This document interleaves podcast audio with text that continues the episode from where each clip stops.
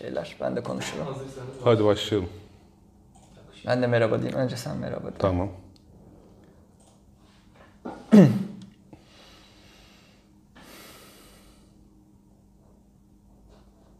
Evet yönetmenimize bakıyoruz. Başlamış galiba. Herkese merhaba. Merhabalar, iyi akşamlar. İyi akşamlar. Şu an e, canlı yayın yapıyoruz ve normalde açık bilimi çektiğimiz yerde internet iyi çekmediği için ve bugün de biraz özel bir yayın olduğu için böyle çok Üst daha üst kattayız.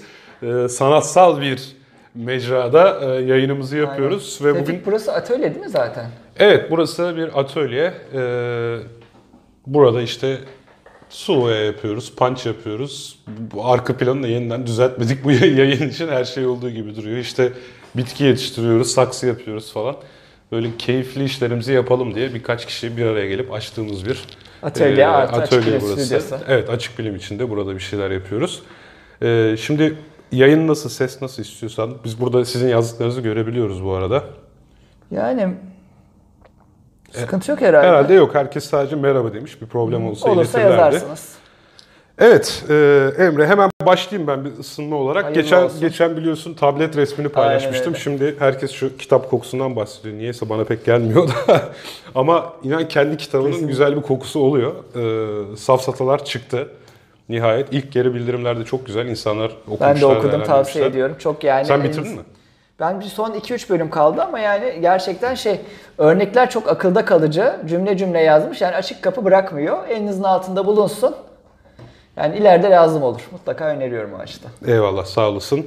Bakalım dinleyiciler neler demiş. Her şey iyi, ses iyi, gecikme yok. Çok güzel. Saatler olsun demişsin ha Karadeniz bana. sağ olasın herhalde saçımı kestirdiğim için. Önceki programlarda bir papaz gibi çıkmıştım abi. Ha biz saçın şeydi. İki koltuklarımız alçak ya. Doğru doğru. Acayip göbek çıkmış. Şurada bari biraz dik durayım Dik da. duralım, dik oturalım burada. iyi, iyi görünelim yani.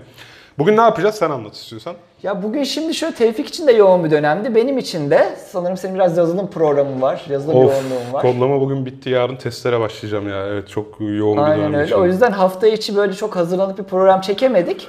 Canlı yayın yapalım dedik. E, canlı yayında da olacaksa eğer canlı yayın biraz daha böyle seyirci katkısıyla kendimizden bahsedelim, kendi motivasyonlarımızdan bahsedelim. Gelecek bizim için ne anlam ifade ediyor?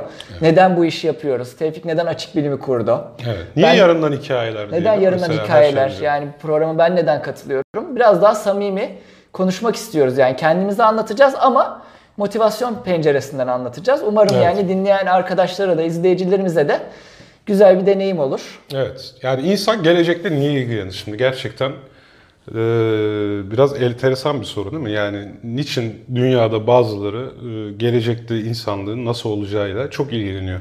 Hatta mesela normalde düşünürsen biyolojik olarak insanın böyle bir motivasyonu olmaması lazım. Neden? 500 sene sonra ben hayatta değilim. Torunumun torunumun torunu torunu hayatta. Hani şunu demek de mümkün tamam mı? Ya ben şu önümüzdeki 50 yıla bakayım. Gerisi beni pek alakadar etmiyor demek mümkün yani. Böyle olsaydı ama yani 50 yıllık eğer biz kültürümüzde böyle adapte olsaydı biz mağara çağından çıkamazdık.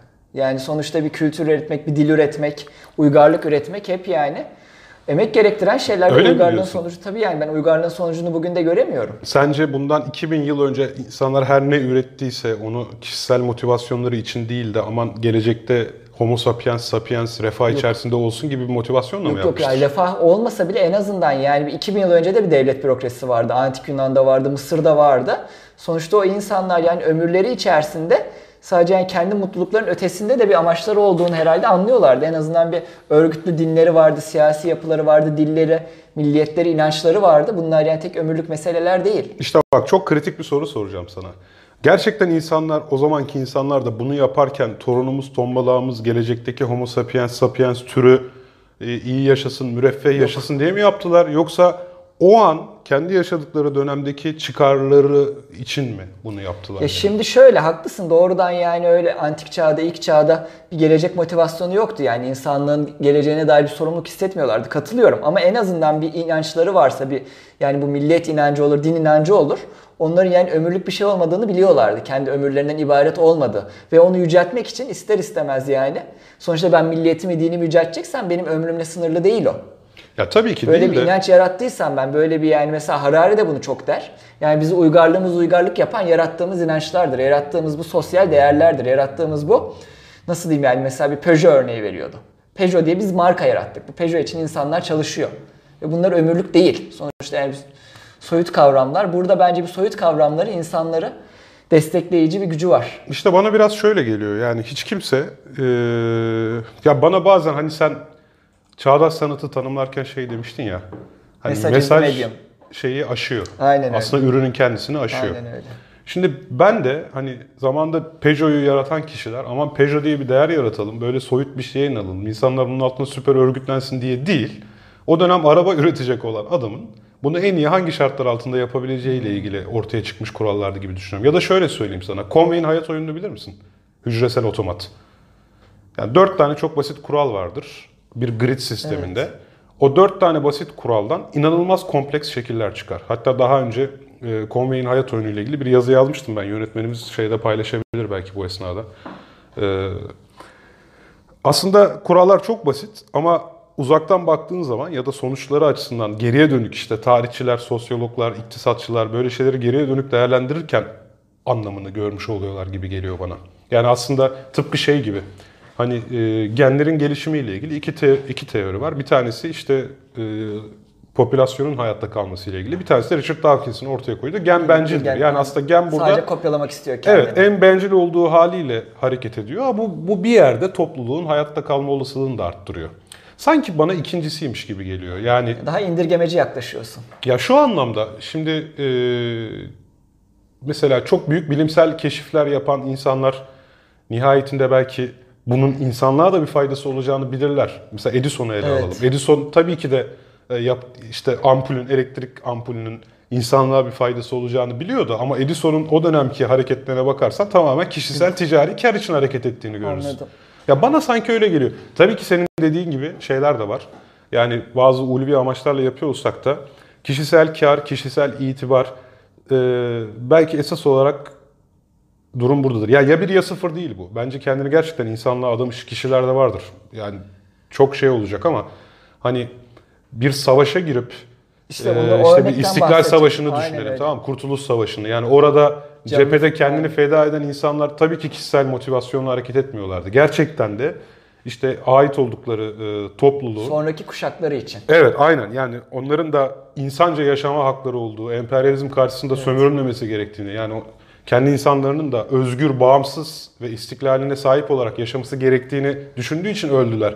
Ama işte bunlar çok ekstrem örnek gibi. Ya Edison örneği bak bir yerde Edison örneği var, bir yerde Pragmatik. Kurtuluş Savaşı'nda hayatını kaybeden, şehit olan bu işte mülkiyeliler 16 yaşında falan biliyorsun Çanakkale'ye gittiler mesela yani. şimdi orada şimdi sen biyolojik yaklaşalım dedin işte gen ayakta kalmak istiyor. Yani bir insan kendi ömrünü ve buradan anladığım kadarıyla düşünecekse önce kendi çocuğunu düşünecek. Kendi yani soyunun devamını düşünecek. Onun için yaşayacak, onun için motive olacak. Ama mesela işte bu ilk çağlardan itibaren gene biraz artık biz 20. 21. yüzyıldan itibaren bu feda kültürü, şehitlik kültürü yavaş yavaş yani önemini yitirmeye başladı. Yani artık insan hakları var. İnsanın yani hayatını koruması en büyük değer. Ama yani 19. 18. yüzyıla kadar en büyük değer senin işte belli bir inanç için, milliyet için, belli bir devlet için canını feda etmekti. Ve düşündüğün zaman bu askerler de genç insanlar. Yani evini bırakıyor, eşini bırakıyor, çocuğunu bırakıyor, kendi soyunu bırakıyor bir yana. Cepheye gidiyor ve bu inandığı sosyal değerler için canını feda ediyor. Bunda da yani kendi biyolojik yani evrimsel mirasını tamamen reddetmiş oluyor. Burada da yani insanın bence şöyle iddialı bir yorum yapılabilir. Kültürel evrime, sosyal yani kültürel evrim biyolojik evrimin önüne geçiyor. Yani E tabii ya sonuçta- için ölüyorsa evet. kendi yani çocuğumu evimde bırakıp başkasının çocukları için yani ülkemdeki diğer çocuklar için canım veriyorsa burada apayrı bir boyut. İşte burada da başka bir problem var. Ee, o zaman yani savaş örneği yine diğer diğer tarafı destekleyebilir şu bakımdan. Savaş kaybederlerse ülkeyi bir başkası işgal edecek ve yine kendi e, neslinden gelen e, Ama bu ikinci kişiler tehdit olarak. tehdit altında kalacak. Yani dolayısıyla orada bir topluluk olarak hareket edip bir tehdidi ortadan kaldırmak gerekiyor ve bu sırada ölmek de göze alınabilen bir risk gibi geliyor. Ama pratik Ya- olarak çocuğunu bırakıyorsun. Şimdi hani savaş örneğine kaymayalım. Ee, çünkü biraz şeyimiz dışına çıkıyor da bu topluluğun uygarlaması için diyelim. Yani uygarlığın ilerlemesi için konuşalım. Hani mesela zamanda reçeli ya da yoğurdu icat eden kişiler bunu Doğru, kendi pratik pratik, hayatlarında kolaylık sağlamak için yaptılar sonuçta. İnsanlığa bir katkı sağlamak için değil. Belki zaten insanlığa katkı sağlamak dediğimiz olgu da dünyada insanlık diye bir şey olduğu fikriyle beraber gelmiştir. Yani insanlık dediğin insanlık ailesi, hümanizm. Gibi. Evet yani belki zaten Çok yeni bir kavram yani. Hümanizm kavramı işte belki de çok yenidir zaten. tabii canım çok yeni evrensel bildirgeyle Hayır, şeyi ortaya demiyorum. Hani 20. insanlık yüzyılda. adına bir şeyler yapma fikri çok yenidir belki zaten. Hani ben 13. yüzyıldaki herhangi bir insanın insanlık adına bir şey yapacağını düşünmüyorum zaten. Tabii canım o zaman zaten milliyet için, din için yapılıyordu. O zamanki anlayışlar çok daha ilkeldi bugüne göre. Ama işte bence o bile yine kişisel şey gibi. Ya bilmiyorum ben bu konuda belki de çok şey düşünüyorum ya. Mesela şu an din için ya da milliyet için hareket ettiğini düşünen kişiler belki de Kendi egoları e, için. milliyetleri ya da din, dini yani arzu ettikleri e, güç sistemi tesis edildiği zaman onun üst basamağında olacağı içindir. Yani anlatabiliyor muyum?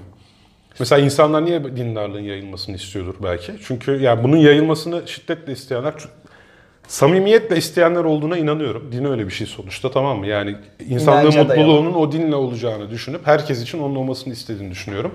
Ama bu alanda at koşturan ve bu alanda bir şeyler yapan bilhassa güçlü kişilerin eğer böyle bir sistem tesis edilirse kendisi piramidin tepesinde olacağı için o motivasyonla yani, evet anladım. o motivasyonla Kontrol etme menfaati. Evet. Ama bunlar sadece fikir. Zaten yani belki Aynen de şunu öyle. söylemek lazım. Bu programda biz ne düşündüğümüzü Biz ne söylüyoruz. Aynen, Çünkü bunlar spekülatif, spekülatif. alanlar. Spekülatif alanlarda ancak ancak ne düşündüğümüzü söyleyebiliriz. Aynen. Net Hatta bir şey Tevfik benim de tahmin ettiğimden gene toplumsal konulara kaydık. Ben biraz daha sanki kendi motivasyonlarımızı konuşuruz diye düşünmüştüm. Geliriz oraya da. Şimdi Oraya da zaten bunu bir çözelim. Sonra peki biz Aynen. niye biz niye bu naneyi yiyoruz ondan bahsedelim Aynen yani. öyle. Şimdi, Var mı soru? e, Soru değil de güzel e, katkılar var. Ahmet Sulakçı Evrim Sapiens'in isteğine göre değil, Sapiens'in var olabilmek, hayatta kalabilmek çabasına uygarlık diyoruz demiş. Güzel bir Bence yorum. demiş. Evet doğru. Ben ben işte biraz Ahmet Sulakçı gibi Aynen öyle. E, Muzaffer Şerif örnekleri. Hani o da yani çok gü- güzel sosyoloji deneyleri vardı ya onun. Evet. Topluluk psikolojisi. Onları söylemiş. O güzel. Yani en iyi standartları bırakmak. Yani şimdi en iyi standartlar da bir tartışma konusu. Yani sonuçta 20. yüzyılın standartları bize miras geldi. 21. yüzyılın standartlarını biz onları beğenmiyoruz. Ama yani tutup bir önceki nesilde yani bizim dedelerimizin hatta dedelerimizden bir önceki nesil savaş nesliydi. O savaş neslinde yani yaşamak bile bir mucizeydi. Biz şu anda yani Wi-Fi için mesela şey yapıyoruz yani Wi-Fi'miz yoksa, bataryamız yoksa bizim için problem oluyor. Ama yani 3 nesil önce karın doyurmak problemdi. Tabii tabii. o Yani şu açıdan an yani kuşak çatışması da ciddi bir nokta. Hatta bir sosyolojik yaklaşım vardır. Yoksulluk tüketememektir. Yani yoksulluk varlık ya da fakirlik değil. Mesela şu an Sovyetler Birliği'nde mesela değil mi? yok yok şu anlamda diyorum. Mesela tarlası takkası olan ama iPhone'u olmayan, telefonu olmayan bir adamı fakir olarak görme eğilimindesindir. Yani Karnı doysa bile yani yeteri kadar 21. yüzyılın eğer nimetlerine ulaşamamışsa tabii yani ta- bak tapuları var. Düşün köyde tarlası var, takkası var tamam mı? Ama işte işte e, sadece karnını doyuruyor ama iPhone'u yok ya da işte iPhone Nike ayakkabısı baskı yok tamam mı? hissediyor. Bu böyle insanları yoksul görme eğilimindeyizdir yani. Yoksul olduğunu düşünme eğilimindeyizdir. Halbuki ada işte kuru ama para adamda gibi bir sonuç ortaya çıkıyor. Her zaman en yukarısına göre biz çıpalanıyoruz yani. Yok bence e, böyle algılıyoruz. Modern çağın tüketim ürünleri, popüler tüketim ürünleri bizim artık zenginlik e, Anladım. Popüler insanları- tüketim çünkü sürekli yani o sunuluyor bize standartlar olarak onu zorluyoruz. Gibi. Ya bir adamın tarlası taklası var düşün ama evinden çıkmıyor. Telefonu yok, bilgisayarı yok, internet yok. Tamam oturuyor sadece kitabı. bu adam bu adam hayal ettiğin zaman fakirmiş gibi hayal ediyorsun. Bak dikkat et. Kaç tane tapusu olduğunu falan hiçbir önemi yok yani. Mal varlığının, servetinin ne kadar olduğunu hiçbir önemi yok. Adam tüketemediği için sana fakir gibi geliyor yani. O da ama bir noktada şey oluyor gene yani 21. yüzyılda bu hani Oso, Osto felsefesi, Budizm felsefesi diye o da sunuluyor sana. Yani reddetmek, mütevazi yaşamak, işte inziva. O da yani bir hizmet olarak sunuluyor. O da yani bir ters bir nokta değil mi? Yani kafa dinlemek için bile yani sen işte inziva kampları var mesela Kaz Dağı'nda gidiyorum bakıyorum 3000 lira 5000 lira. Ha biraz değişmeye başladı o işler. Hatta bu da bir çelişkidir. Değil mi yani? Doğa zaten insana ait olanlar. İnsanlara doğayı, İnziva vahşi doğayı parayla için. satıyorsun Aynen abi. öyle. Tutup yani kafa dinlemek için, telefonumu sana teslim etmek için, bana yani böyle sessiz sakin şelale kenarında bir çadır vermen için sana otel kadar para veriyorum yani. Çok komik ya bir düşününce. sıkıntı Evet. değil mi aslında? Ya zaten kentten koparsan, e, Aynen, kentten baş- koptuğun anda o olacak Aynen yani. bunu da yani bir paket program halinde almak da Evet. O yüzden o Ticari. bile pahalandı. O Kaz Dağları tarafında, Küçükkuyu tarafında köyler var tamam mı? O köylerde İnziva taş evler var 150-200 bin lira. Yok bildiğin köy. Mesela Arıklı diye bir köy var. Ben bu arada her sene eskiden o Küçükkuyu tarafında o Asos'a giden yolda Gargara denilen bölgede kamp yapardım. kamp, inziva. Evet evet aynen. İşte oralarda bir bakayım dedim. Ya şuralarda köyler var kesin ucuzdur diye. Bir çıktım İstanbul'la aynı fiyat. Ya taş ev, yıkık ev İstanbul'la aynı fiyat. Bir de diyor ki sit alanı buraya şey yapamazsın.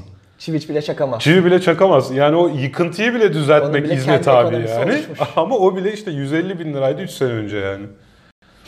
Evet peki şimdi toplumsal motivasyonları konuştuk. Peki biz niye o zaman Biz yapıyoruz? ilgileniyoruz? Bak. Aynen bunu da konuşmasak olmaz. Evet Yani şimdi tekrar başa dönelim. Yani normalde önümüzdeki 50 yıl beni ilgilendirebilir. Çünkü Evet. geleceğe yönelik bir hazırlık yapmam gerekir. Mesela 30 yıl sonra işte Kendini ev fiyatlarının çok aşırı pahalanacağı gibi bir düşüncem varsa "Aa, ben o gün gelmeden bugün kendime bir konut bulayım ki gelecekteki konut güvencemi sağlayayım diyebilirim.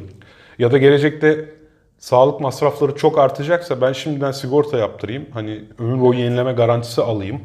Böylece hani e, kendi küçük kişisel refahın için. Evet, küçük ödeyerek. Ya bu tür yakın gelecekle ilgili beklentiler ya da çok daha yakın geleceği düşünelim. Önümüzdeki sene doların 10 lira olacağına inanıyorsan şimdi dolar stoklamak Aynen öyle. isteyebilirsin. Ama peki biz niye bu programda 300-500 yıl sonrasını konuşuyoruz? Bunun için vakit harcıyoruz. Bununla ilgili kitaplar okuyoruz, yazılar yazıyoruz. Bu niye yani? Niye yapıyorsun? ben mi anlatayım sen mi? Sen başla bence. Ben çok konuştum. Yani bu gerçekten güzel bir soru. Beni yani birebir tanıyan insanlar da bu cevabı benden dinlemiştir. Bu sefer ama biraz daha farklı anlatacağım yani yaşamımdaki son birkaç aydır daha farklı bir bakış açısı kazandım. Onu da yani Tevfik'le de ilk kez paylaşıyorum. Tevfik biraz daha yani geçenki cevabımı biliyor benim. Evet, ben merak ediyorum şu an. Aynen öyle. Şimdi eğer bu soruyu bana birkaç ay önce yani Ocak'ta falan sormuş olsaydınız ben yani inanılmaz bir hevesle, inanılmaz böyle bir motivasyonla yani sanki kendimden geçmiş vaziyette şunu anlatırdım size. Yani ben öyle bir kendime bilim kurgu evreni kurdum ki öyle bir yani benim hayat görüşüm var ki bence bu yaşadığımız evren bir simülasyondan ibaret ve bu simülasyondaki tek amacımız bilgi işlemek. Yani bu bütün e, cansız maddeyi bilgi işlem makinelerine çevirmek olduğunu ben düşünüyordum. Bunun öykülerini de yazdım. Bu şimdi eski görüşün değil mi? Eski Yani görüşüm bu. eskiden tek cümleyle bir daha özetler misin? Bir simülasyonda Biz yaşadığımızda... bir evren, bir simülasyon ve bu evrendeki tek amacımız bilgi işlem gücünü arttırmak. Bu evrende yani İnsanın vazifesi gibi değil mi? İnsan- Yani. Yani. insan değil yani. Bütün madde insana bir atfedilmiş bir şey yok. Bütün yani biz cansız maddelere mesela Ray Kurzweil'de de geçer bu Singularity is Near'da da geçer o e, tekillik yakın kitabında da şey der adam mesela süpernova patlamalarına uzaktaki uygarlıklar galaksileri tek tek yani süper bilgisayarlara dönüştürüyorlar ve bu süper bilgisayarların infilakı diyor mesela süpernova patlamalarına. Evet. Böyle Geçen yani programda da söylemiştim bunu. Aynen bilim kurgusal görüşler. Ben yani o kadar hakikaten kendi yarattığım bu bilim kurgu evrenine kaptırmıştım kendime. Yani evrenin tamamen bir yani simülasyon. Hatta ben senin şey dediğini falan da hatırlıyorum. Kendini şeye bağışlayacaktın. Silikon Vadisi. Silikon falan. Vadisi'ne. O tabii yani o zamanı gelince tekrar düşünülür yani. Şu anda net bir şey söylemek için çok erken. Yani şey düşünüyordum yani sanki büyük bir yani hikaye var. Ben de onun bir yandan parçasıyım. Bunun için yani geldim yani hayatta sanki bana bir görev çizilmiş. Yani gelecekle ilgili konuşmak. Mesela yani kodlama öğrendim ben 24 yaşında. Yani tıpçı olduğum için maalesef yani önceki yıllarda hiç böyle bir şeyle ka- karşılaşmamıştım ama kodlama öğrendiğim zaman hayatımda hakikaten çok yepyeni bir dil yani İngilizce öğrenmekten bile yani büyük bir devrimdi benim için. Yani hakikaten sen anlamsız bir veri yığınını alıyorsun ve onu istediğin şekilde anlamlı bir hale Sen getiriyorsun. devam et ben bu sırada Kodlama mesela inanılmaz bir şey. Yani evrenin amacı kodlama olmalı demiştim. Yani madem genler DNA bir kod, işte yani fizik problemleri bir kod, matematik bir kod. Biz de yani insanın en ulvi görevi kodlamaktır. Yani biz kodlayalım. Sürekli yani bilgi işlem gücümüzü arttıralım. Bütün yani insanlık yapay zekayı geliştirmek için hani evrensel yapay zeka diye teorik bir şey var ya. Evet. Sonsuz bilgi işlem gücüne ulaşmış yapay zeka. Onu geliştirelim ve sonsuz bilgi işlem gücüne ulaştığımız zaman gerçekten yani evrenin bize sunduğu amaca ulaşmışız demektir. Ve ben de bu büyük çerçeve içinde görüyordum kendimi. O yüzden nasıl diyeyim yani evrenin karmaşıklığını arttıracak, bilgi işlem gücünü arttıracak bütün çabalar benim için yani yaşam amacıydı. Peki bu çerçeveden niye çıktın o zaman şimdi? Bu çerçeveden niye çıktım? Yani bunda artık yani bu sohbette de anlatabilirim. Yani özel program yapıyoruz. Şöyle yani çok değerli bir insan girdi benim hayatıma iki ay kadar önce. Bir süre yani çok güzel anılar yaşadım onunla. Ve hakikaten yani şunu gördüm. Hayatta yani bizim daha da güzel şeyler olabiliyormuş diye gördüm. Çok iyi oldu Yani. yalnız. Bu feministik kocayı bulana kadar benzedi. yok. Singularistik sevgili bulana kadar diyorsun. Yok ama yani bitti maalesef yani şey değil. Kalıcı olmadı maalesef. Demek ki- O da kalıcı olmama sebebi de benim yani. Bu kafamdaki şeyi belirleyemedim. Yani bu zihnimin karışıklığı yani bir noktada Dur geri gelelim. Ne kalıcı olmadı? Yani ilişki maalesef bir süreliğine sürdü ve sona erdi. Öyle mi? Evet. Aa, hiç maalesef. hiç güncel değilmişiz de bunu canlı yayında öğrenmek de enteresan oldu değil mi sayın yönetmenim? Yani şöyle söyleyeyim ben. Geçmiş, abi önce hayırlı olsun diyecektim. Şimdi geçmiş yok. olsun diyorum. Yok şey bunlar değil de şöyle yani özetleyebilirim. Çok ben iki boyutlu, tek boyutlu bakıyordum hayata. Yani bir evrensel bir şey var. Hatta sıkıntım şuydu. Bunların ben öyküsünü yazdım önce. Sonra yazdığım öykülere inandım. Bu aslında tehlikeli bir şey. Benim en başından neyin bilim kurgu olduğu, neyin öykü olduğu, neyin de gerçek hayatım olduğunu anlamalıydım.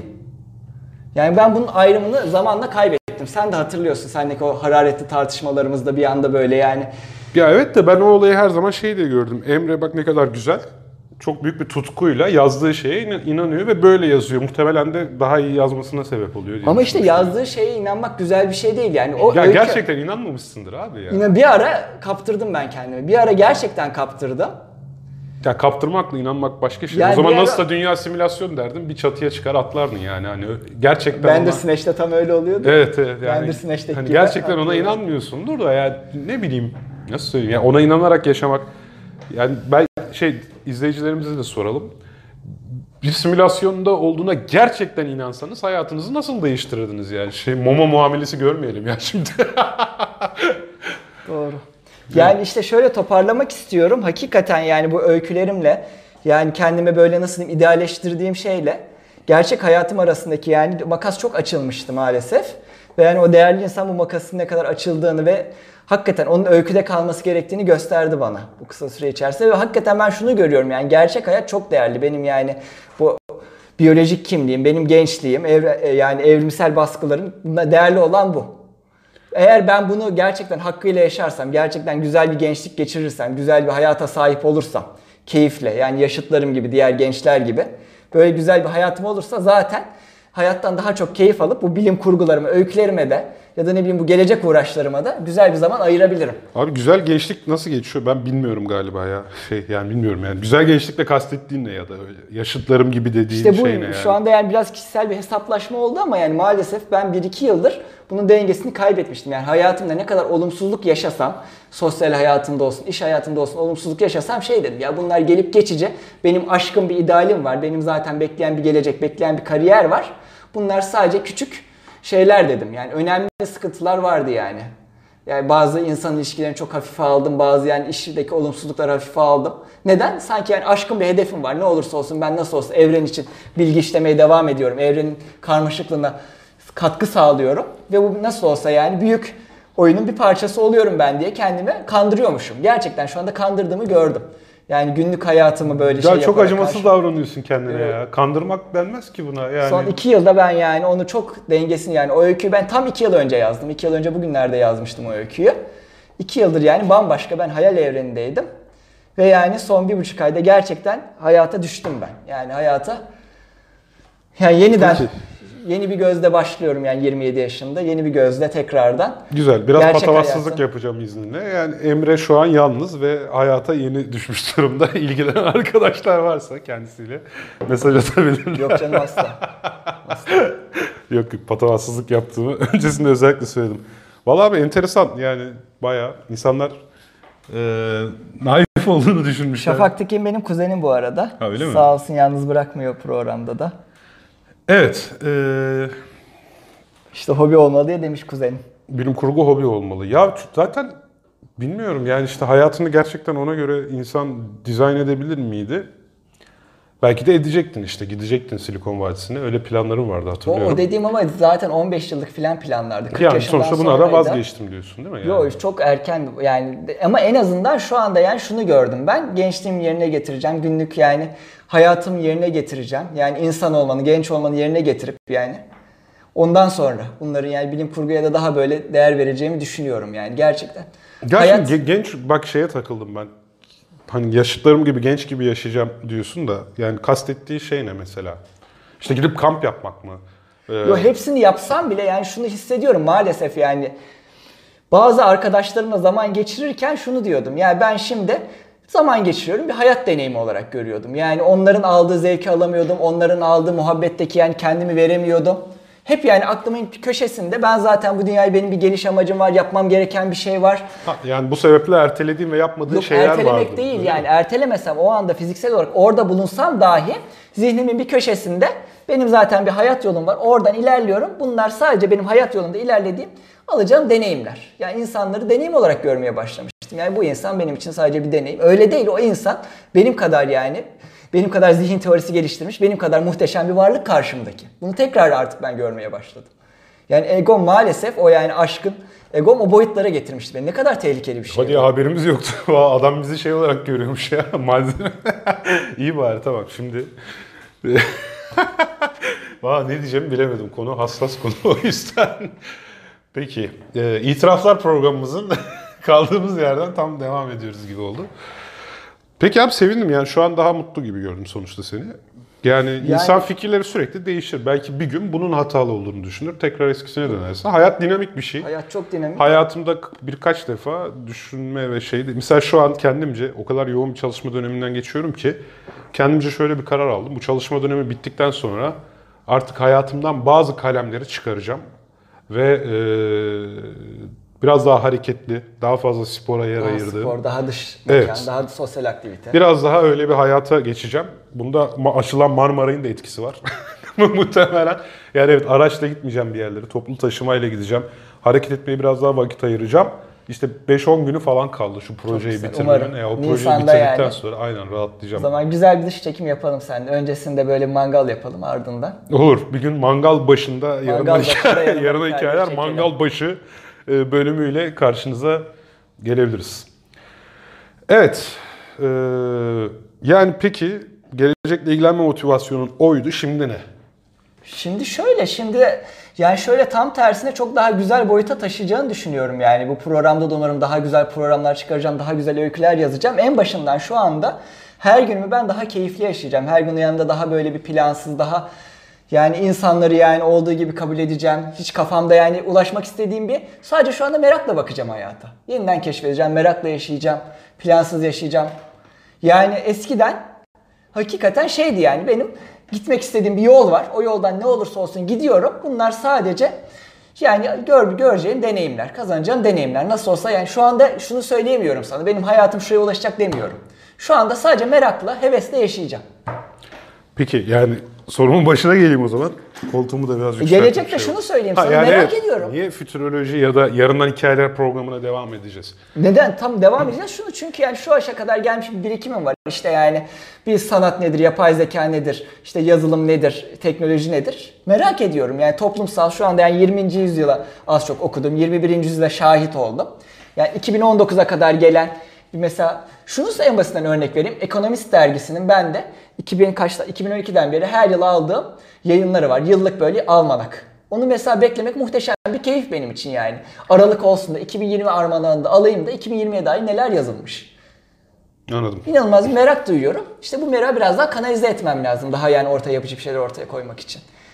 Hatta şunu söyleyeyim keyif yani artık yani insanlara yani bu kadar daha e, nasıl diyeyim eşit ve eşitten yaklaştığım için onların da yani gelişmelerini görmek keyif olacak. Toplumun ilerlemesini görmek. Merak sadece merak diyeyim. Anladım. Bu merakı da daha çerçevesini çizersek beraber yapıcı şeyler duyacağız. Peki o zaman. Soru alalım varsa. Ee, burada bayağı kendince başka bir muhabbet dönmüş. Ee, bana birisi aparat mısınız aslında Tevfik? Ya sorma hepimiz öyleymişiz. Ee, Cem G. evet. Tevfik sen de hiç oldu mu yazdın? Sen de öykü yazarsın, sen de bilim kurgu yazarsın. Hiç eşleştiğin bir karakter.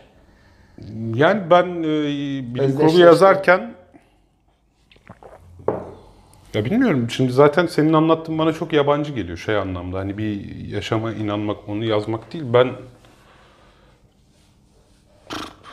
Olmadı mı gerçekten? Ben yani iki yıldır yazdığım 10 sayfanın esiri oldum şu resmen yani. 10 sayfayı yaş- yaşadım ben. Ya ben üretmenin kendisini seviyorum. Yani ekstra bir şey var ve o yüzden üretiyorum değil. Yani üretmenin, yazmanın kendisini seviyorum zaten. Özdeşleşmiyorsun yani beri. yazdıklarında.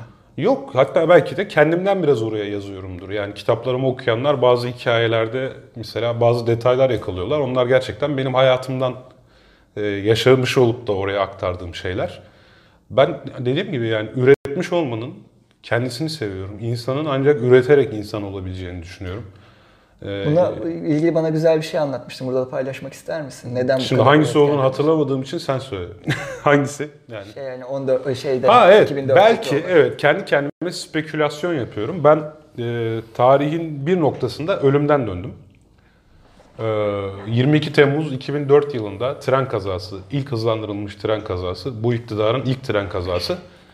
Orada e, ölen işte 38 kişinin 36'sı benim vagonumdaydı zaten. Biz oradan iki kişi sağ çıktık.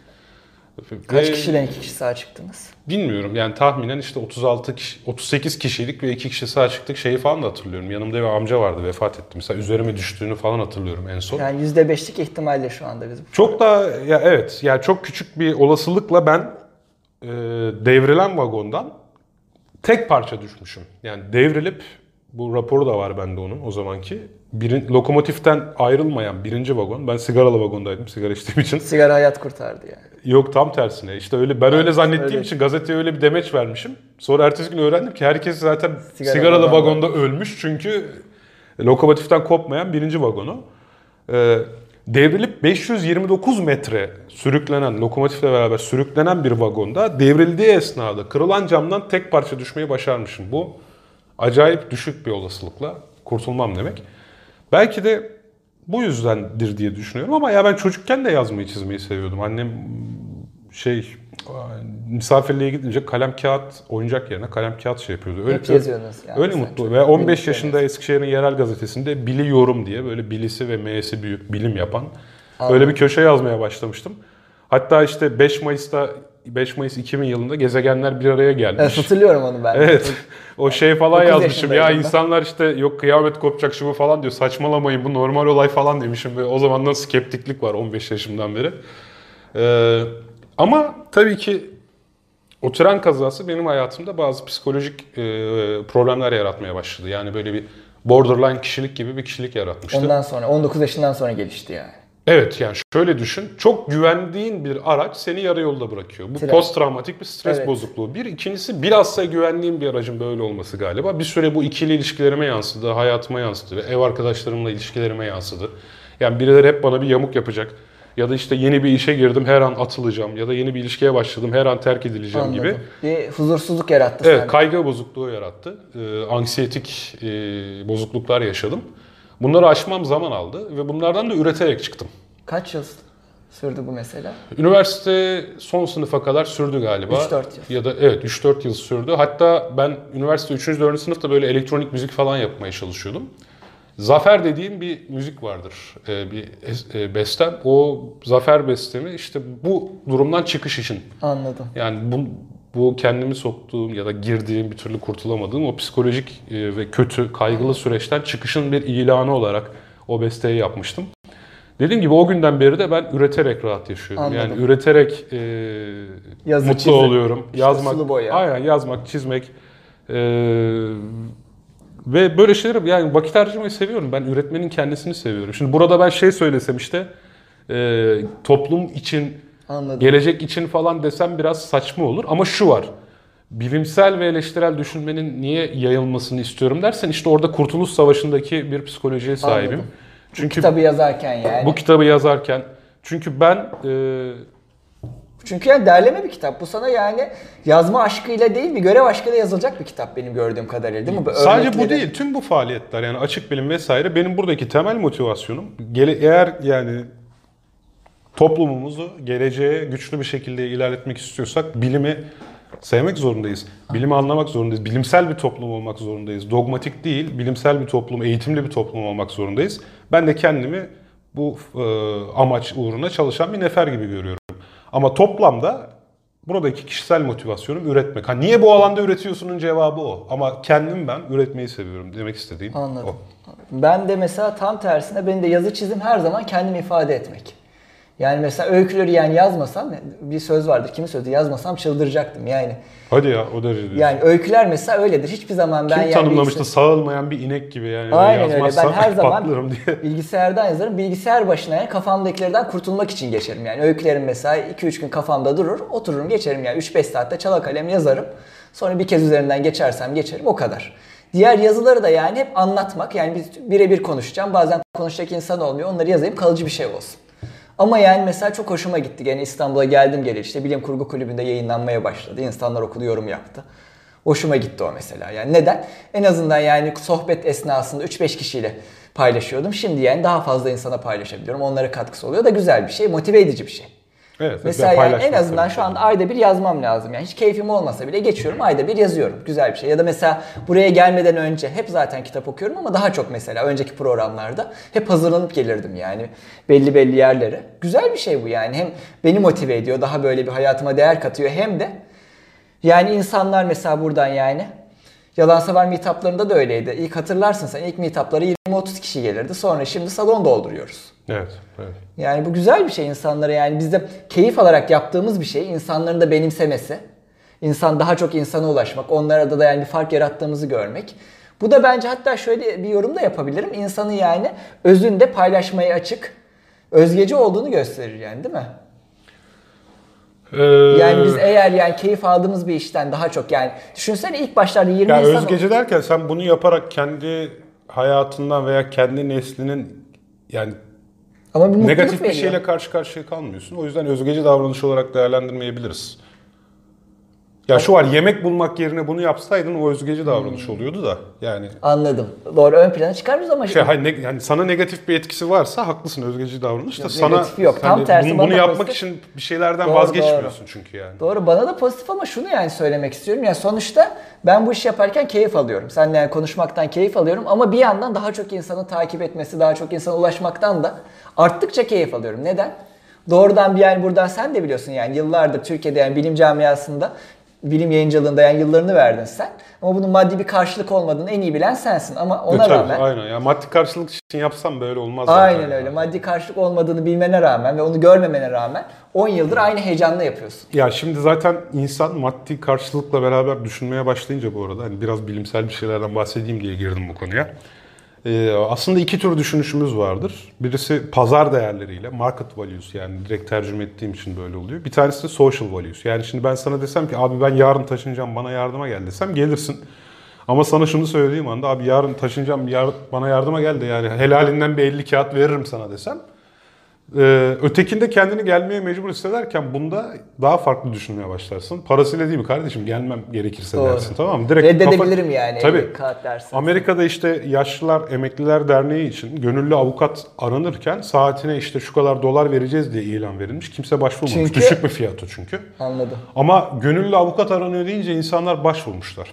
Bir kan Çok bağışı iyi, deneyi evet. de böyle. Mesela insanlara kan bağışı yapmaları karşısında para verdiğin zaman bunu gelişmiş ve zengin ülkeler için söylüyorum bu arada. Anladım. Yoksul bir ülkede insanlar kanlarını gerçekten satmak isteyebilirler. Ee, gönüllü kan bağışında Anladım. çok daha az şey oluyor. Şimdi belki parayla düşünmeye başlayınca e, zaten yapmazsın. Yani ya çok büyük bir Çok getirisi anladım. olması lazım. Tamam mı?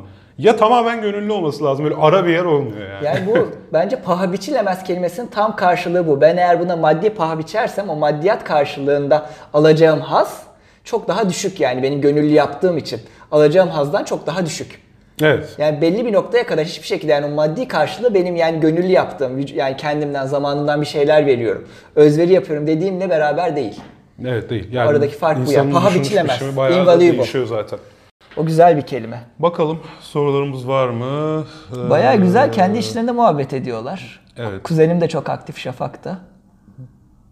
Geriye doğru gelelim. Bayağıdır bakmıyormuşuz. Bana birkaç Son mesaj zamanlarda var. gördüğüm en güzel kişisel muhasebe denmiş Sağ senin için. olsun. Ee, üreten insanlar iyi ki varlar. Teşekkürler Betül. O da çok değerli bir arkadaş. Felsefeci. Tanıyorum onu O, da. o anlarda ne düşündünüz, ne hissettiniz? Galiba beni mi soruyor? Kısa tabii ki o an dediğin Ben valla o anı o an o anı anlatmak ayrı bir ömür de yani şok hali çok enteresan bir şey. İnsan kazadan sonra ben işte düş ben şey yanımdaki amcanın üzerime düşüne itibaren hatırlamıyorum zaten. Sonra ben bir ara kendimi ayakta buldum. Bunu bir tıp hekimi olarak sen daha iyi anlarsın. Kendimi ayakta buldum. Adrenalin Kalkmışım etkisi. yani evet. Bilincim geldiğinde Kaç kurtul, kaç Ben kurtul. ayaktaydım. Fight or fight. böyle hayretle kollarıma falan bakıyordum. Benim her yerim paramparçaydı zaten. Şunlar hep geçmiş şu İzleri var hala Evet. bakın izleri Evet. var. Şöyle. Böyle dişlerim, dişim de kırıktı zaten. Böyle her yerim kan ve böyle mal gibi kalıyorsun. Aklına hiçbir şey gelmiyor biliyor musun? Aklına ne anne ne baba bak hiçbir şey gelmiyor. Şey yok mu yaşamda Şok hali. kalma güdüsü? Varsa bile onu ben hatırlamıyorum. Bilincime Hatırlamıyorsun. bilincime ulaşmıyor. Ama şunu yaptığımı hatırlıyorum bak. Yani orada uyandıktan sonra orası çukur bir yerde. Yuk- Şurada karayolu var öyle düşün. Karayoluna doğru gidip ama oradan da çıkamadığım için orada mal gibi beklediğimi hatırlıyorum. Böyle orada bekledim tamam mı? Sonra yukarıdan iki kişi kafasını uzattı. Ee, beni yukarıya çektiler. İki köprücük kemiğim de kırıktı maalesef. Belki de o kötü bir bilecek? hareketti ama yani Ne yapacak ne yapacak? yani? Beni Hiç başka kimse- türlü nasıl alacaklar yani? Ee, ve sonra ben ambulansla şey ambulansla değil çok özür dilerim. Beni ilk gelen tıra bindirdiler. Tıra bindim. Tıra binerek bine- binene kadar hala yürüyebiliyordum bu arada. Yani bundan sonra 45 gün yürüyemeyeceğim. Bunlar ilk e, Sıcağı sıcağı. sıcağı sıcağına kazanın ilk anları. Bütün adrenalin etkisiyle, kaslarının son Aynen. gücüyle. Aynen yani Artık hiçbir kemikler de daha şey orada herhalde şeyler doku, kanama dokuları Şimdi falan bak kaburgalar kemikleri. kırık, iki kürek kemiği kırık, bir köprücük kemiği muhtemelen- kırık, ayak tarak kemiğim çatlak tamam mı? Ondan sonra işte dişim kırık, her yerim ezik paramparça zaten. Kan kaybından ölmememin sebebi ne biliyor musun? Çamurdu değil mi? Sakarya Nehri. Evet Sakarya Nehri orası balçık. Bütün yaralarım çamurla sıvandığı için kan kaybından ölmemişim ya. Bu inanılmaz bir şey. Yoksa ben zaten giderdim ki orada o Ya kadar da- yarayla yani. Yok şey olurdu muhtemelen yani şok pozisyonda bilincini kaybederdin, kurtarılmayı beklerdin. Yani hiçbir şekilde hareket edemezdin. Kurtaramaya da bilirlerdi. Ben vagondan dediğim gibi düşmüşüm. Yani Bulunasıya belki çok geç olurdu. Tabii şimdi bak lokomotiften kopmayan bulması. vagonlar bu tarafta. Lokomotif şey kopan vagonlar. Kopmayan lokomotife bağlı kalan vagonlar 528 metre ileride. Ben ara bir yerdeyim. Yani insanlar ya o vagonlara gidecek ya buraya. Belki beni çok uzun süre bulmayacaklar. Ben de öleceğim zaten.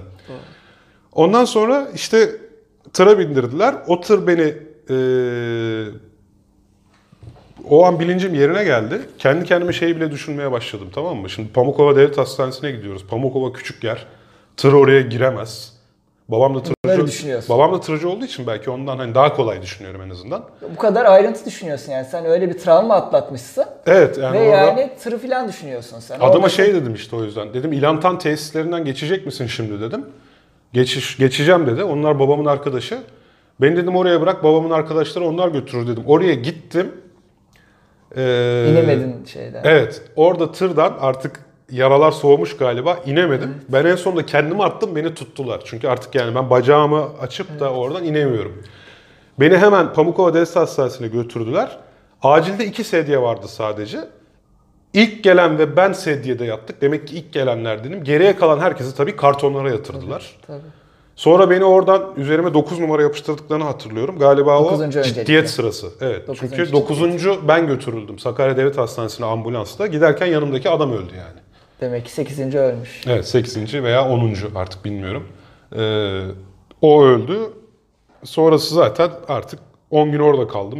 İşte 10-15 gün Eskişehir hastaneye sevk edildim. Orada kaldım. Annem rica etti eve gidip gelmek kolay olsun.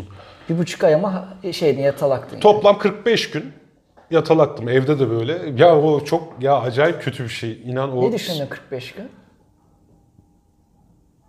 Nasıl geçti günlerim? Birincisi şunu biliyorum. Bunu yine tıp hekimi olarak sen daha iyi açıklarsın. Ağrılar sabah 8.30-9 gibi saati kurulmuş gibi. Muhtemelen bu biyoritim, kortizolle falan alakalı. Ha evet yani 8.30-9'da ağrı başlıyordu. Kortizol Pansuman yapılırken acıdan bayılıyordum. Geri uyanıyordum. Bir böyle şeyi hatırlıyorum. Bir ikincisi çok çarpıcı olan şu meğer kürek kemiğinin ayağımızla bile ilgisi varmış. Yani insan kürek kemiği kırıkken Oradan geçen sinirleri. Evet ayağını bile hareket ettiremiyor. Çok acayip bir şey yani. Bir onu hatırlıyorum. En kötüsü de şey o 12 gün boyunca sırtımda aynı çarşaf vardı. Her yerim kırık olduğu için hep çarşafla taşındım her yere. Hastanenin çarşafıyla yani eve geldim. 45 yani. gün boyunca tamamen bak orada da şöyle bir şey geldi aklıma. Ee, sen yani hayatın sonuçta 19 yaşındaydın sen. Hakikaten böyle bağımsız olacağın bir süredeydin. Yani tam böyle nasıl diyeyim yani tam arkadaşların şey yapıyor yani ikinci sınıfa geçmişler filan. Yani hayatta senin bir boşluk oldu ve o boşlukta bir anda 4 yaşına döndün sen değil mi? Sonuçta aileye bağımlısın. Sen annenin şefkati, babanın şefkati. Bir anlamda evet doğru. Bu da bence bir şey olabilir yani sana yani buradan hadi bir ayağa kalkayım buradan bir çıkayım da yani canavar gibi bu günlerin hesabını Kaybettiğim soracağım. vakti şey yapayım gibi falan. Çünkü yani 45 gün hakikaten kendi kendine kalmak için hem bu travmayla da birleştiği zaman ciddi bir süre. Olabilir. Yani evet hep sırt üstü yatıp başka bir şey yapamadığım bir Yani dönem. bir anda Yani tabii düşünsene. insanlar çok da acılarını yaşıyor. Ben şimdi burada çok dramatik gibi anlatıyorum Dramatik da. değil ama yani Yani bir bence kopuşu yani hayatında bence mutlaka mutlaka bir etkisi var. belki başka bir tevfik olurdu o kazayı yaşaması. Kesinlikle ya. o belki iş kesin adamı olurdun sen. Ya bırak şimdi Yani şu, şu kapıdan için. girmesek bile, şimdi bugün bu programı yapmasak bile bu programı yapmış bizle yapmamış biz arasında böyle küçük bir açı farkı oluyor. Bu Paralel tamam evrenler. 50 yıl sonra bir yerde fark ediyor. Bunları bak bir kesin bir programda Ama konuşalım. ya. orada yani o küçük bir açı değil böyle muhtemelen 45 derecelik falan bir açı oluştu yani öyle söyleyeyim sana. Aynen, Bandersnatch'teki gibi derece. yani kaza yapmakla yapmamak muhtemelen çok şey değiştiriyor yani. Neyse işte dediğim gibi şey tam bitiremedim az önce de o hep aynı çarşafla taşındığım için o çarşafla benim sırtım arasında kalan çamur ve dallar, ağaç dalları sırtıma gömülmüştü ya. Ne Yani zaman? Şeyde ilk kazanın ilk Hani günlerinde. 12 gün o çarşaf değiştirilmedi ya. O 12 gün hep aynı sırt yarası işte ne diyorsunuz ona? Yatak yarası. Bası yarası. Evet. Peki, yani evet. o onların bir sırtımdan çıkarıldığı günü hatırlıyorum bir de. Yani çok kötü gerçekten. Yani hiç hayatta yaşamayacağın acılar başına yani gelmedikçe. 19 yaşındaki böyle bir boşluk hayatında böyle bir boşluk demeyeyim de böyle bir travma süreci Evet, seni belki- belki, daha yani hani çok klişe bir söz vardı ya acılar insanı olgunlaştırır, acılar daha iyi bir insan yapar bizi şeklinde. Evet evet. Zaten insanlar da mesela şeyi de soruyor işte belki de bu tüm bunlarla alakalı. Niye bu kadar şeyle uğraşıyorsun? Belki sebebi budur ama yani Mesela şey demiştin bana, ba- bana yani çok zıt olarak sağlıklı yaşamaya çok işte sigara içiyorsun, çok böyle fast food yiyorsun. Onlarda da çünkü herhalde şey değil mi yani bir anda yani ben arabaya binip bile ölebileceksen evet niye bu kadar yani? strese gireyim yani 30 hele sonraki- Türkiye burası 30 asansör yıl düşer. sonraki kalp damar sağlığımı düşüneyim. Evet evet bak bu ama insanları böyle düşünmeye teşvik etmemek için bundan bahsetmek istemiyordum aslında biliyor musun? Çünkü pek çok insan şu an sigarayı bırakacaksa bile tam bu söylediğimi iyi bir bahane Ama olarak an- kullanarak rasyonelize edebilir o yüzden yani. Hani kendi rasyonalizasyonumu böyle Hmm, Tamam, tamam.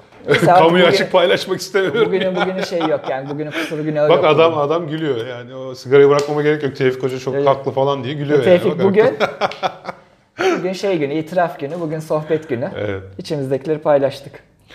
E, o zaman soru yoksa artık yavaş yavaş kapatalım. Üstlere de bakalım. E, Kendi içlerinde bayağı bizim yani vesile olmamızda dizi falan öneriyor arkadaşlar birbirlerine. Mert Alakır şey demiş ya o kazanın fiziksel izini taşıyor gibi değilsiniz çok iyi atlatmışsınız. Valla iyi atlattım da işte biraz soğuk yiyeyim hemen o kemikler daha önce kırılan kemiklerin o bağlı olduğu kaslar falan kesinlikle ağrıyor ya. Yani kurtulması çok zor oluyor. Simülasyon dışında ne olduğumu hemen öğrenmek için öldürürdüm kendimi diyen Ha, bir evet arkadaş soru var. sormuştuk yanıtını almamışız. Kemal Cihat Toprakçı. O, O da da Kozmik Anafor'da Kozmik evet. Anafor'da bir göğe bakalım diye program yapıyorlar şeyde. Evet, Gelecek evet. Bilim'de kanalında. evet. Ordinary bir gencin yaşamı mı? Bu güzel ve standart gençliğin dışına çıkmak insanı neden rahatsız ediyor? Yok ya hiç rahatsız etmesin ya. Hayır rahatsızlık değil. Ben zaten kimse rahatsız olsun diye bir yani yaşam biçimi Ya şimdi da. mesela bak madem çok özel konuşuyoruz da hayat boyu şeyi anlayamadım. İnsanlar sıkış tepiş bir yerde tamam mı? Yüksek sesle müzikte Disco. böyle sıkışarak yürürken bile yani tamam? Birkaç kere arkadaşlarımla falan da hani git, Disco gidiyorum tabii ki de mesela disco ortamı. Hani hayal kahvesidir ya da işte var ya Taksim'de İstiklal'de. Abi bir birayı bile rahat rahat içemiyorsun. Mutlaka geçen biri çarpıyor tamam? Mutlaka az sonra biri şey yapıyor falan. Abi insanlar o ortamda niye eğlendik, nasıl eğlenebildiklerini ve neden eğlendiklerini mesela kendi kendime hep sorguladım. Mesela ben bunu anlama kabiliyetine sahip değilim. Böyle, yani bu eğlenceyi sevenler varsa yanlış anlamasınlar. Anladın değil. Mesela ben o yüzden hayat boyu her zaman eş dost böyle toplanalım, kahve içelim, bira içelim, muhabbet edelim sevdim tamam mı? Anladım. Yani o gürültülü Canlı ortam, müzik, sıkış tepiş. Bana da hep şey gibi geliyor yani tamam daha ferah bir ortam olsa inan ben de eğlenirim belki de. Yani insanlar tam tersine o sıkış tepişliği seviyor herhalde. Ya o da şey belki yani böyle farklı bir deneyim sonuçta. Oraya da yani konforsuzluğundan da belki keyif alıyorlar. O Belki. konforsuzluğu yaşamak için gidiyorlar. Belki ama alıyorlar. ben çok anlamıyorum. Veya mesela futbolla ilgilenen çok insan var. Sakın yanlış anlamasınlar. Hayatım boyunca futbolla, hayatım boyunca demeyeyim. Yatılı okula gidene kadar ilgileniyordum. Çünkü insan böyle şeyleri Yetişkin babadan hayatında- öğreniyor. Babanın tuttuğu takımı tutuyor falan. Babam da çok ilgilenmez gerçekten. Hani lig maçı izlediğini hiç hatırlamıyorum. Avrupa maçları sadece. Hani orta üçün sonuna kadar kendimi bir ben takım tutuyorum falan diye düşünüyordum. Yatılı okula, liseye gidip televizyonda bağım kopunca zaten bırakmıştım. Ömür boyunca da bir daha ilgilenmedim yani. Ee, insanlar çok vakit harcıyor futbola falan Ya mesela. o şey bence ama e, mesela yani çok rutin hayatlarında bir paylaşma duygusu. Sonuçta yani 100 kişi futbolu seviyorsa Kınamıyorum, ya- tam tersine özeniyorum abi. Bak gerçekten şey. insanları birleştiren bir şey. Beraber Anladım. maç oynamaya gidiyorlar tamam mı? Yani ortak semboller, değerler paylaşıyorlar. Birisi Alex deyince öteki anlıyor. Yani hani Anladım. bir şeyler Sabri deyince anlıyorlar falan. Hani ben bunları ancak Anladım. ekşi sözlükte görerek anlayana kadar vakit geçiyor O falan da. Kitlesel bir şey yani. Sonuçta Evet. yani bir mutluluk şeyi düşünsene mesela yani seçim kutlaması kadar Galatasaray'ın şampiyonluk kutlaması oluyor Fenerbahçe'nin yani. Aynı coşkuyu görüyorsun sokaklarda. Evet, evet. Ya gerçi biz de kapanıyor. değerler paylaşıyoruz sonuçta. Hani Tyson diyoruz, Einstein diyoruz ya da Feynman diyoruz falan. Einstein'ın doğumunu öyle diye falan ve dışarıya çıkıp kornalara o baza baza falan kutlamıyoruz. Beraber o farklı bağırmak. bir his bence ya. O farklı bir his yani. Çok bağırmak. Yavaştan o zaman kapatalım bir de şey istiyorum. Madem özel bir program şey Afyon Birisi Fen benim. Afyon Fen Lisesi mezunu olmama inanamamış. Niye ya? Yani Fen Lisesi dediyse ben de Isparta Fen Lisesi'nden izleyen arkadaşlar varsa hatırlayanlar beni selam gönderiyorum. Ben de Fen, Isparta Fen. O da hayatımda. Mesela bütün öykülerin kökeninde benim Isparta Fen var. geçen Isparta tıptan e, şu an Ankara ben Özay'ı ziyaret ettim ortopedi mütehassısı. Orada senin 200 devren birisi vardı. Çocuğun Hamit. adını unuttum. Hamit tanıyorum. Olabilir. Şu an ortopedi uzmanlığında. Hamit o da- Çağlayan. Evet evet Hamit de galiba. Hamit Çağlayan çok iyi tanıyorum. Senin onu. hakkında konuştuk bu arada. Sağ. Ben de ilk defa doktor odasına gittim. İlk defa. Asistan doktor Arkası odası. acayip. Hiç düşündüğünüz gibi bir yer değil tamam mı? İçeride leş gibi sigara içiliyor. Yani- Ondan Ama sonra... istisna var. Bir dakika her yerde olmaz. Ya dur ama şimdi şey gibi ya ihbar gibi oldu. Boş ver geri aldım tamam. Farklı yerleri. Kebaplar yeniyor falan. Aynen. Güzeldi. Çok eğlenceliydi. yani. Ya bir de doktorlar çok ilginç. Bak bölüyorum seni. Doktorlar acayip ilginç. Aralarında şöyle muhabbetler falan yapıyorlar ya. İşte daha geliyor direkt aşağıdan adam ameliyattan operatör bir de hepsi ortopedist oto- operatör. İşte adamda şey varmış ya şuna bak falan. Oha abi oha falan yapıyor. Az sonra bir başkası geliyor. İşte ameliyatı yapmış tekrar röntgen çekmişler. Adam şöyle işte açtı ekrandan.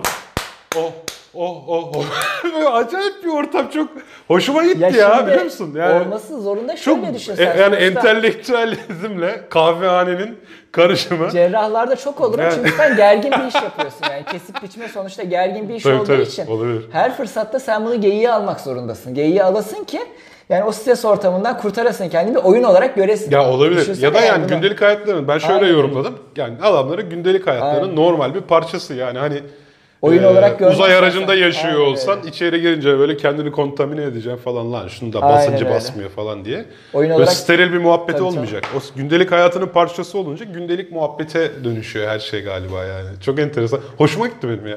Oyun olarak görmezsen o mesleğin ağırlığı çekilmez. Yok sadece oyun olarak öyle. görmek düşünme ya. Yani gündelik hayat Gündelik- gibi tabii, ele tabii, alıyor. Çünkü bu arada bakın yani gerçekten doktorlar çok çalışıyor ya. Hani Kesinlikle. Nöbet böyle, çıkışı 8 saat çalışıyor. böyle doktorlara şiddet Ya konusu 36 falan saat filan çalışıyorlar. doktorlara şiddet konusu falan açıldığı zaman hani siz mi nöbet tutuyorsunuz falan diye doktorlar tepkisel yaklaşıyor. Şunu çok iyi gördüm. Benim arkadaşım mesaisi bitmesine rağmen sırf takım arkadaşlarının yani oradaki arkadaşlarının da işi yoğun diye geceye kadar orada kaldı. Tabii.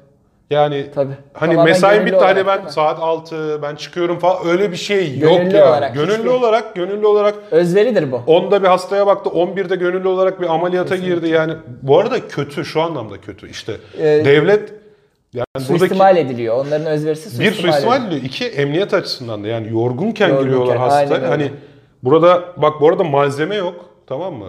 Hasta yani Tabii. bunların da hastadan tepkisini onlar görüyor.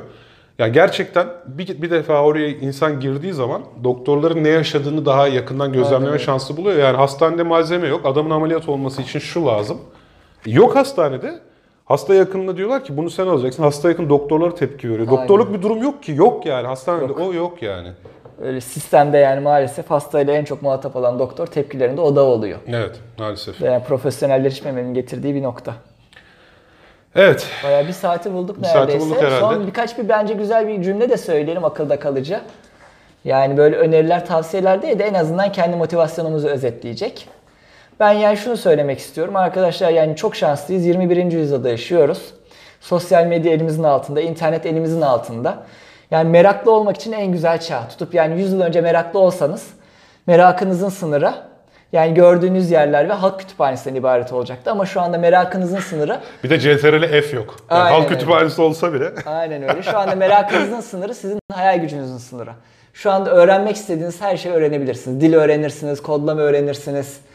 Yani Google Earth'ten dünyayı gezebilirsiniz. Arkadaşlar meraklı olun, dünyayı tanıyın. Ben yani bu en sevdiğim şey bu. Senden yazmış Değil. oldum pardon. Tevfik'in hocası. Ha, yani. Ben bunu diyorum ben, yani. Ben yazdım. Ben meraklı olmak için en güzel çağdayız diyorum ve bu merak heyecanımı insanlarla ve artık şunu da diyorum. Hiçbir yani yere ulaşmadan benim şu anda eskiden yani 2-3 ay önce olsa kendi böyle e, işte evrenin simülasyonu olduğu bilgi işlem doğrultusunda bir merak derdim ama şimdi öyle demiyorum. Sadece insanları seviyorum, insanları tanımak istiyorum ve geleceği merakla kucaklıyorum. Peki abi ben çok bir şey söylemeyeceğim. Sen pek çok şey söyledin zaten. Evet, üretmek güzeldir, meraklı olmak güzeldir, öğrenmek, okumak, öğretmek güzeldir. Evet diyeceğim şey, diyeceklerim benim de bunlar. O zaman veda edelim. Yönetmenimize buradan e, işaret edelim. Akışı durdura basmak üzere geriye doğru. Gidiyor muyuz? Evet gidiyoruz. Çok teşekkürler. Bugün özel konuştuk. Umarım bir dahaki haftalarda tekrardan Evet böyle Tamam, belki hatırlarız. burada canlı yayın yapmaya böyle arada devam ederiz. Ee, Hoşça kalın katkılarınız için. çok teşekkürler. ederiz hepinize. Hoşçakalın.